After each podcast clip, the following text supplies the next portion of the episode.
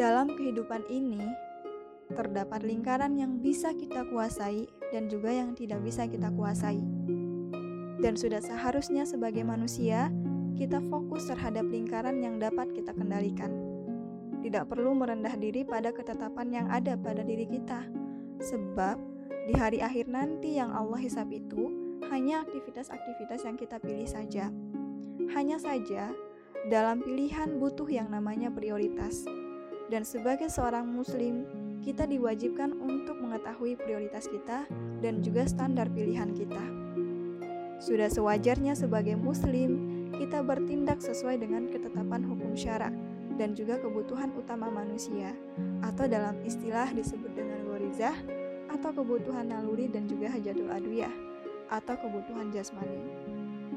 Tentunya, pilihan yang telah kita pilih harus dijalankan dengan penuh ketekunan, disertai dengan tawakal, karena hidup seorang muslim itu seluruhnya ialah untuk bertaat kepada Allah.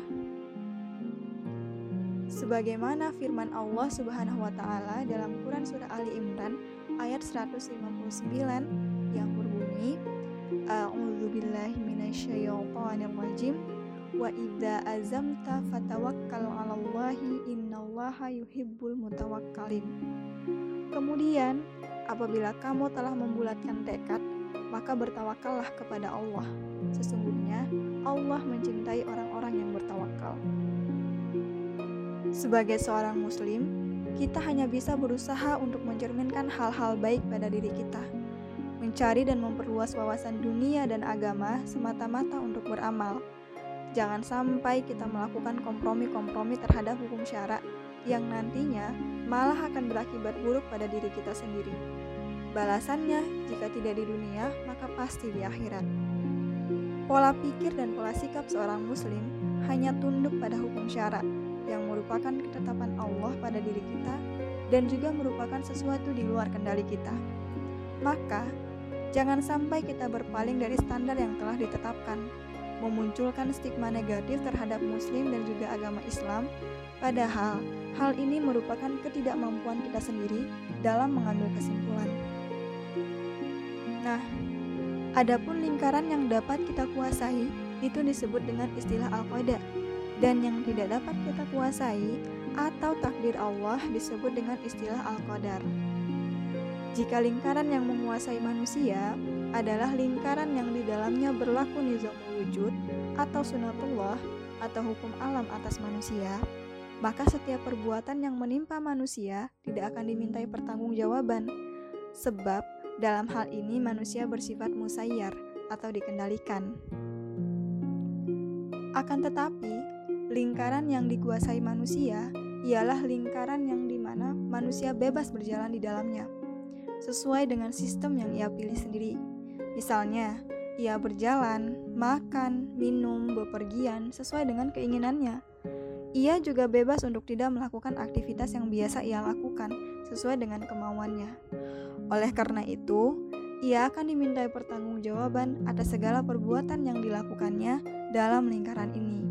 Sebab dalam lingkaran ini manusia bersifat sebagai muhayyar atau diberi pilihan.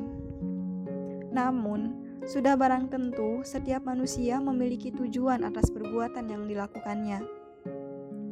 Tujuan inilah yang biasa disebut dengan kimatul amal atau nilai perbuatan. Karena itu, suatu hal yang pasti bahwa setiap perbuatan memiliki nilai tertentu yang ingin dicapai oleh seseorang tatkala ia melakukannya. Jika tidak, tentulah perbuatan itu akan sia-sia saja. Sungguh ya, tidak pantas seseorang melaku melakukan sesuatu perbuatan yang sia-sia tanpa ada tujuannya. Bahkan sebaliknya, ia harus memperhatikan tercapainya nilai-nilai tersebut yang melatar belakanginya. Islam telah mengatur setiap perbuatan dan aktivitas manusia sesuai dengan porsi yang dibutuhkan masing-masing orang. Oleh karena itu, sebagai manusia, kita tidak boleh menganggap orang kaya itu terlalu tinggi dan juga orang miskin terlalu rendah. Dalam lingkaran Al-Qadar, kita tidak berhak untuk menginterogasi rezeki seseorang, sebab itu ialah ketetapan Allah. Yang perlu kita perhatikan ialah bagaimana kita mengatur rezeki yang kita miliki. apakah digunakan untuk perbuatan baik atau perbuatan buruk. Apakah dimanfaatkan di jalan Islam untuk meraih ridho Allah atau hanya dihamburkan untuk memuaskan kesenangan belaka yang ujung-ujungnya malah menjadi istidraj atau menyia-nyiakan kenikmatan Allah di jalan yang salah. Sebab inilah nanti yang akan membutuhkan pertanggungjawaban kita di hari akhir kelak. Sama halnya ketika sekarang kita sebagai seorang pelajar, status kita sebagai mahasiswa tidak akan dihisap oleh Allah sebab ini termaksud dalam nizamul wujud. Yang akan kita pertanggungjawabkan ialah tujuan kita dalam belajar dan menjadi mahasiswa. Apakah hanya sekedar ikut-ikutan karena hari ini ialah zamannya kuliah atau diniatkan untuk memperoleh ridho Allah agar suatu saat ilmu yang kita miliki sedikit banyaknya dapat bermanfaat untuk menolong agama Allah. Sebagaimana hadis Rasulullah Shallallahu Alaihi Wasallam Ruhul Amin atau Zibril telah membisikkan ke dalam kalbuku. Tidak akan mati suatu jiwa sebelum dipenuhi rizki, ajal, dan apa yang ditakdirkan baginya.